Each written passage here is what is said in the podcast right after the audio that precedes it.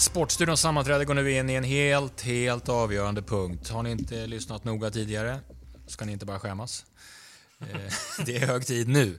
Eh, maskinen ska nämligen han ska dissekera här, han ska analysera helgens Big Nine. Ja.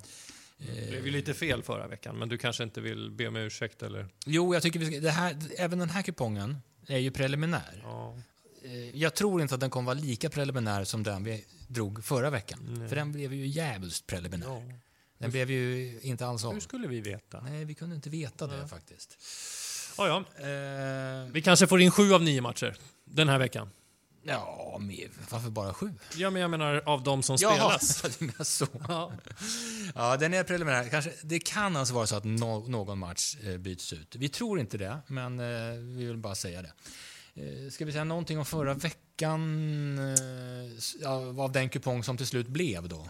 Ja, jag kommer inte riktigt ihåg för att det, det började så dåligt. Ja, just det. Jag tror att det handlade om att Espanyol släppte in mål efter 45 sekunder.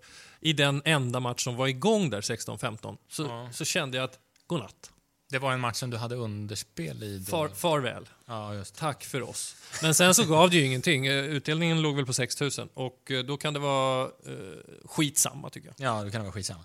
Eh, nu är det full fart eh, i alla fall. Och match nummer ett på Big Nine-kupongen. Eh, Tottenham-Leicester. Ja, eh, jag skulle vilja säga ordet chimär. Vet du vem som säger chimär lite för ofta? Ja, fan, jag vet det. Det är en vi jobbar med ganska, ganska tätt, på torsdagar särskilt. Han brukar sitta mitt emellan oss. Säger Johan det? Ja, han säger ändå chimär ganska ofta. Det är ändå lite Ja, men han överraskande. Har, jag vet, men han har ett, han har ett ordförråd som... Det ligger i bakfickan ja. Ganska oväntade kort som han slänger fram då och då. ja. Runt som en miljon säger han också. Ja, det gör han. Det gör Ja. han. Men frågan är om Tottenham är en chimär. Synonym till chimär är önskedröm, illusion, inbildning, hjärnspöke, fiktion. Och Tottenham siktar högt. Det gör de alla säsonger som de eh, går in i. Och de når aldrig dit. Och nu känns det lite grann igen som att det är helt okej, men det, det är inte... Mm, det rinner inte på alla kranar Nej. i Tottenham. Tycker inte jag i alla fall. Nej. Jag tycker de eh, försvarsmässigt ser okej ut. Framåt ser ganska trubbigt ut, trots de här stora namnen. Är det konstigt att de har byggt om laget lite som de har gjort? Alltså, för det, det funkade ju ändå ganska bra när Kulusevski kom in. När han kom dit. Kulusevski ska ju spela, men det blir ju svårt när de har köpt in en sån som Richarlison att hålla honom på bänken hela tiden. Då får man ju nästan skola om Kulusevski till någon slags wingback och det kanske han inte ska vara. Nej, det, det, och det ska ju vara hård konkurrens såklart i ett sånt lag offensivt. Men ehm, mitt problem är att det inte ser ut att flyga ordentligt. Utan det, det, ehm, det saknas lite tempo i Tottenham. Det saknas eh, lite spets och udd och när Son inte gör sina poäng då blir det väldigt påtagligt. Det har ju saknats ganska mycket i Leicester också. Alltså, lite mer saker. Kanske att de är det laget som har mått bäst av det här uh, ofrivilliga breaket av alla. Kanske. Nu verkar det som att Brendan Rodgers fortsätter i någon match till, men det, det är väl en tidsfråga. Om det inte är så att de lyckas vända det här. Men eh, jag är faktiskt inte inne på att spela den raka ettan. Jag vet att många eh, är det såklart, med tanke på hur Leicester ser ut. Har inte tagit poäng hittills, men jag vill ändå ha med krysset. Ja. Och jag vill ha med över och under också. Och det är väl så kring Leicester att de kan inte gå och förlora varenda match de ställer upp i all framtid. Nej. Jag tror någonstans att det, det, när man ligger på botten så är det ganska få, eller små saker som kan liksom få, en, få till en riktningsförändring. Låt säga att de tar ledningen här till exempel. Bara en sån sak kan ju liksom fylla på ett, eh, ett energifattigt Leicester ganska mycket. Jag tycker, jag tycker tvåan ska med. Ja, du tycker till och med det? Ja. Ja, ja men kul. Ja, jag tycker det.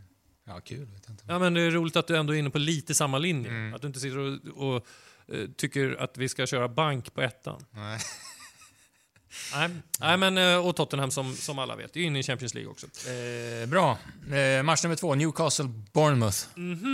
Eh, 0-4-1 på Newcastle nu på fem senaste. Det är alltså noll vinster, fyra oavgjorda, en förlust. Men det har varit stenhårt spelschema. De här oavgjorda tar man mot Brighton borta, City, Wolves borta och, och ehm, Crystal Palace var det väl? Som att man spelade 0 noll mot.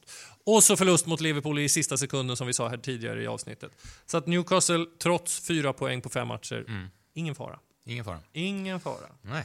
Kanske att Sankt Maximin nu kan spela. Och då blir det i så fall första gången med Alexander Isak. Mm. Callum Wilson tror jag fortfarande är skadad. Det är en viktig spelare där uppe. Men nu när man har fått in Alexander Isak som ändå ser ut som en vilthund.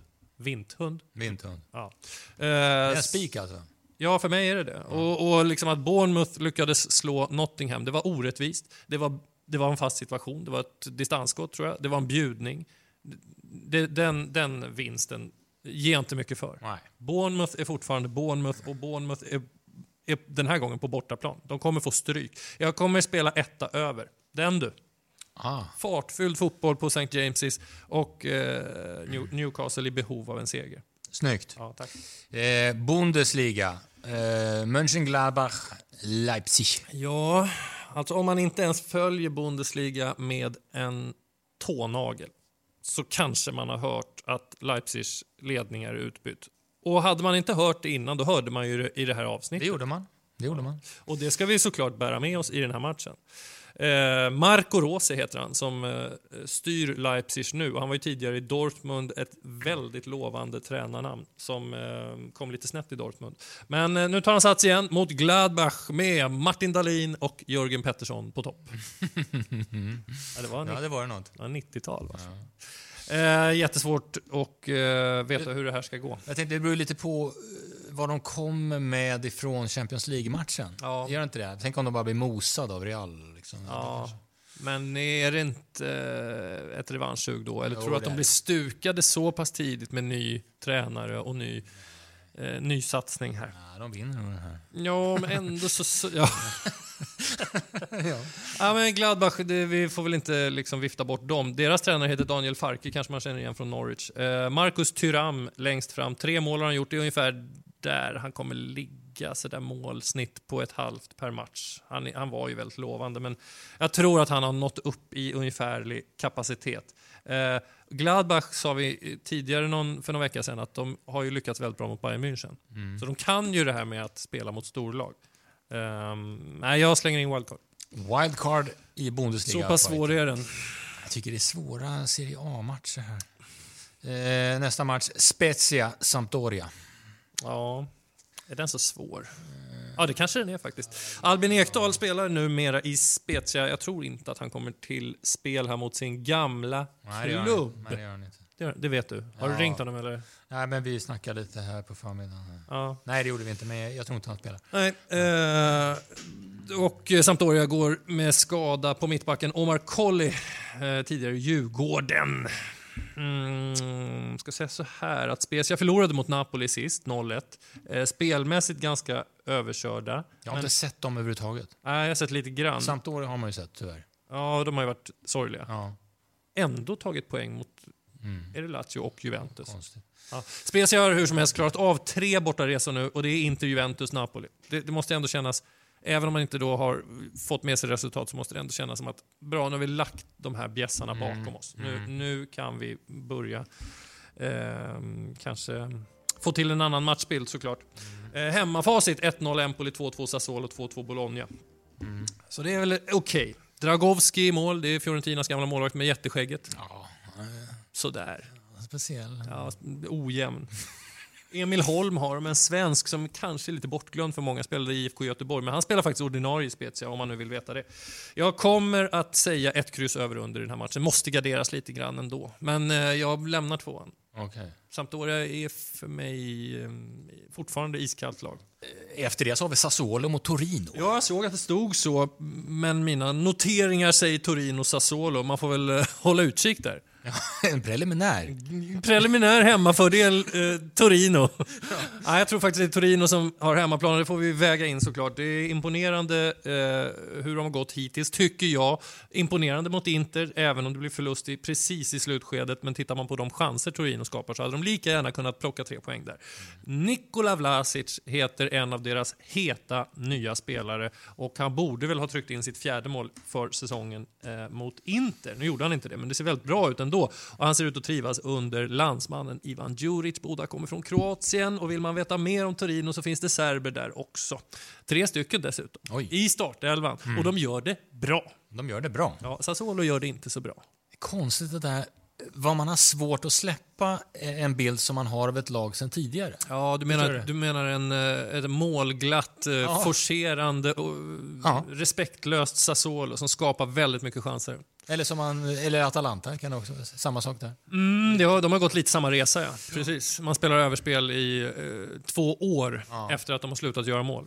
Men man kan ju säga det kring Sassuolo, man tror ju hela tiden att de hugg, hugger mot toppen. De brukar göra ganska bra inledningar, så tänker man att ja, men det är ett topplag. Eh, deras rad här eh, de senaste fem säsongerna, 11, 11, 8, 8, 11. Ja, Eller hur? Visst är det lite missvisande mot vad man har i sitt Ja, egna huvud? verkligen. Eh, de får det svårt här, Sassuolo, tror jag. Domenico Berardi är kvar i klubben. Eh, har ryktats bort under flera år. Det kanske är så att han ska spela Sassuolo resten av karriären bara. Men eh, jag, jag tror att de får det svårt. Jag kommer spika ettan, men vill ha med över och under. Jag tror att det är Torinos tur att ha lite marginaler med. Det som han inte hade mot Inter. Är han hundra hel? Nej, han har väl Är skavank. hans- Ja, eller hur? Ja, eller till och med eh, riktig skada. Ja. Jo.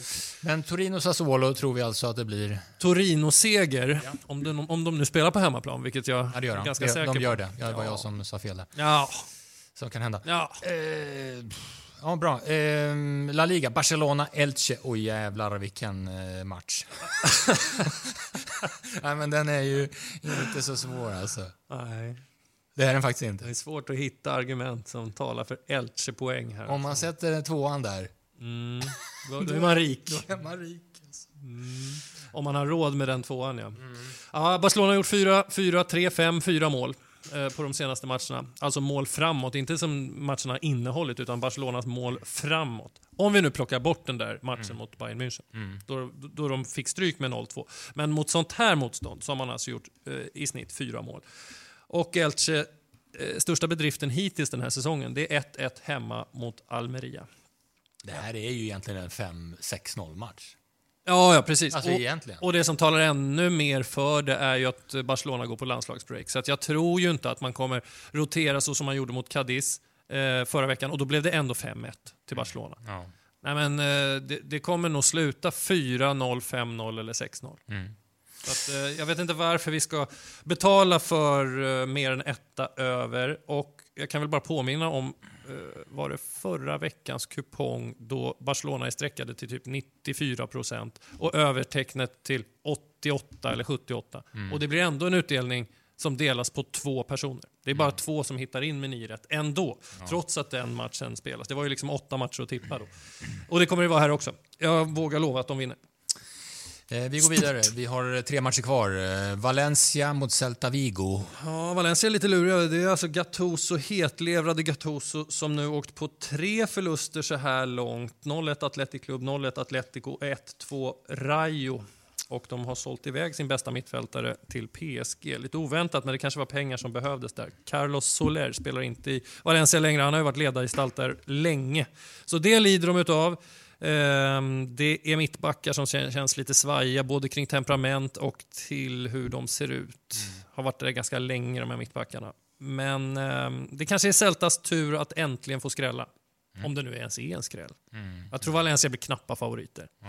Det man kan säga om Celta Vigo, de har haft väldigt svårt mot de stora lagen. De har tagit, eh, tror jag, två poäng mot, om man nu räknar upp Barcelona, Sevilla, Real Madrid, Atletico, på eh, åtta möten. Men du garderar upp den där eller? Ja, om jag inte, precis. Och om jag tar bort något tecken, då är det, då är det ettan som ryker. Ja. Men jag kommer gardera upp den innan den här matchen, så har vi gjort av med 16 kronor på systemet.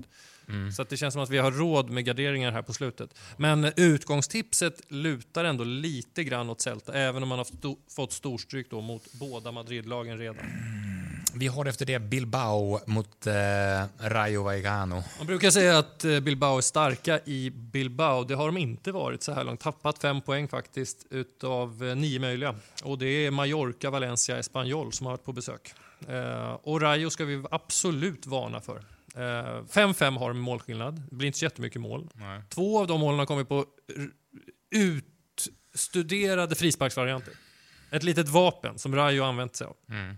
Sådana här frisparksvarianter som man verkligen så här, kanske inte ser så ofta, men när de går hem så bara får man ett mål gratis känns det som, för att motståndarna så, står och såsar lite grann. Eh, minst kryss ska vi ha med i den här matchen.